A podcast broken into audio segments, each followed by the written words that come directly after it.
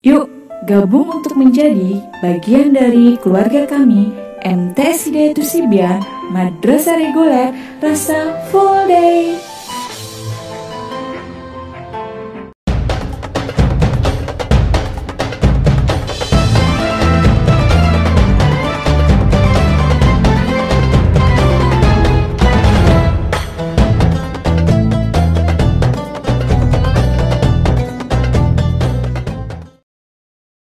Assalamualaikum warahmatullahi wabarakatuh.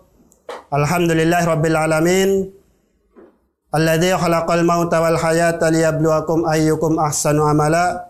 Allahumma salli wa sallim ala sayyidina Muhammad wa ala ali sayyidina Muhammad. Sobyat Amyar di mana pun berada, saya duduk di sini akan menyampaikan yaitu sejarah terpenting di dalam umat Islam yang terjadi pada bulan Ramadan yaitu Perang Badar. Perang Badar ini terjadi pada tanggal 17 Ramadan tahun kedua Hijriah. Kenapa terjadi Perang Badar?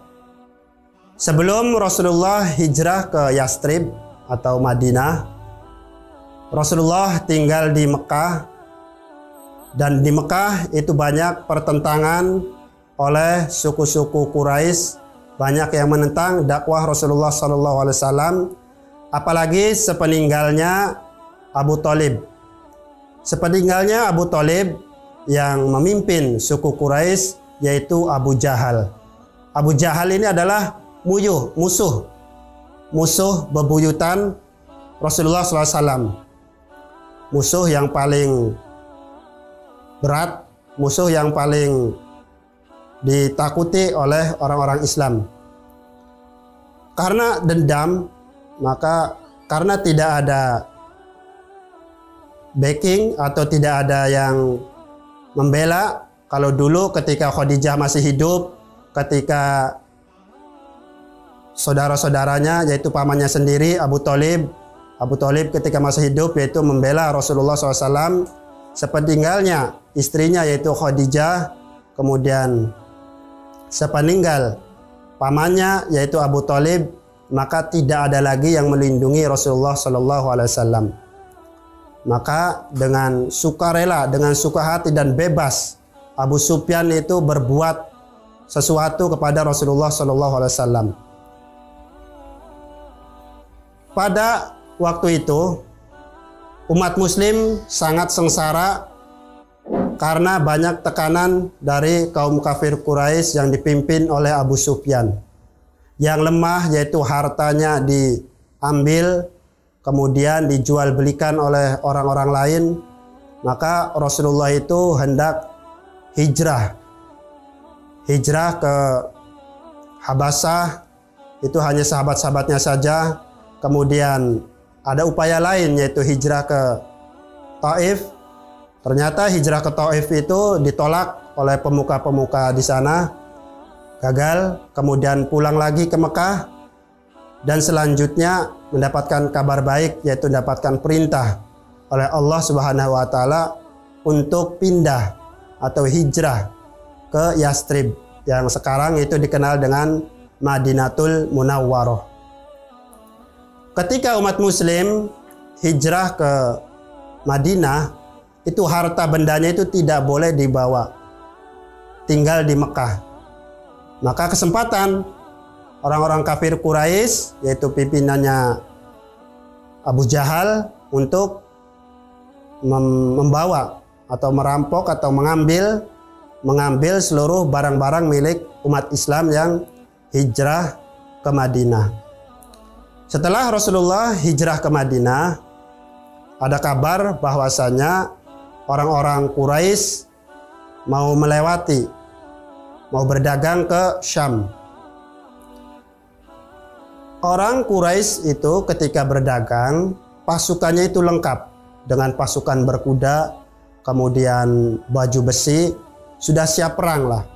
Apabila terjadi sesuatu di perjalanan, maka sudah diantisipasi oleh orang-orang Quraisy. Ketika tahu akan melewati Madinah yaitu akan ke Syam. Kemudian Rasulullah menyiapkan pasukannya hendak mengambil kembali harta orang-orang muslim yang telah dirampas oleh orang-orang kafir Quraisy. Maka terjadilah perang Badar. Perang Badar ini sebenarnya kalau secara logika, kalau secara logika ini nggak masuk akal karena umat muslim pada waktu itu hanya berjumlah 313 orang dengan pasukan yang sedikit melawan sekitar seribu kurang lebih seribu pasukan kafir Quraisy dengan persenjataan lengkap dengan kuda kemudian dengan baju besi dengan peralatan pedang dan panah yang mumpuni. Sedangkan umat muslim yang dipimpin oleh Rasulullah Shallallahu alaihi wasallam hanya berbekal senjata seadanya baju besi seadanya maka pergilah 313 orang ini di lembah Badar terjadilah peperangan di situ sampai-sampai di situ pimpinan orang kafir Quraisy itu meninggal yaitu yang terkenal dengan Abu Jahal.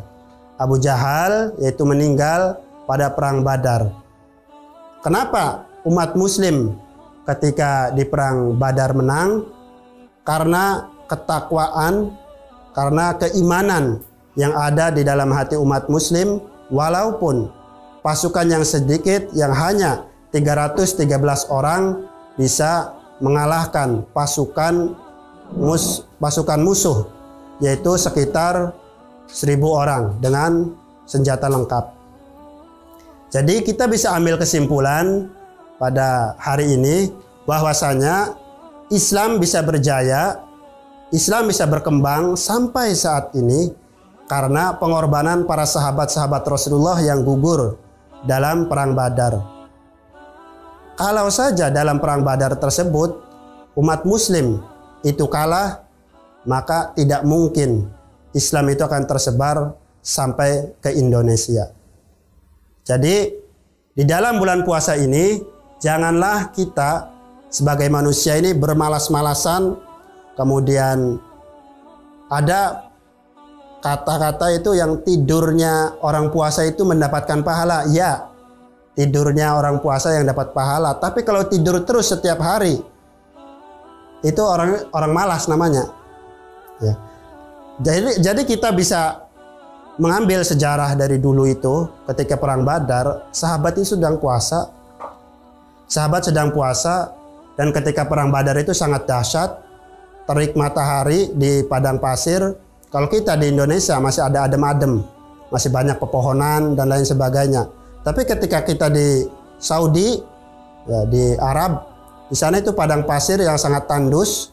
Kemudian sahabat-sahabat itu rela membantu Rasulullah, membantu umat muslim untuk memperjuangkan salah satunya itu hartanya, kemudian akidah Islam. Itu saja yang bisa saya sampaikan. Kurang lebihnya mohon maaf. Wallahul muwaffiq ila aqwamit thoriq. Wassalamualaikum warahmatullahi wabarakatuh.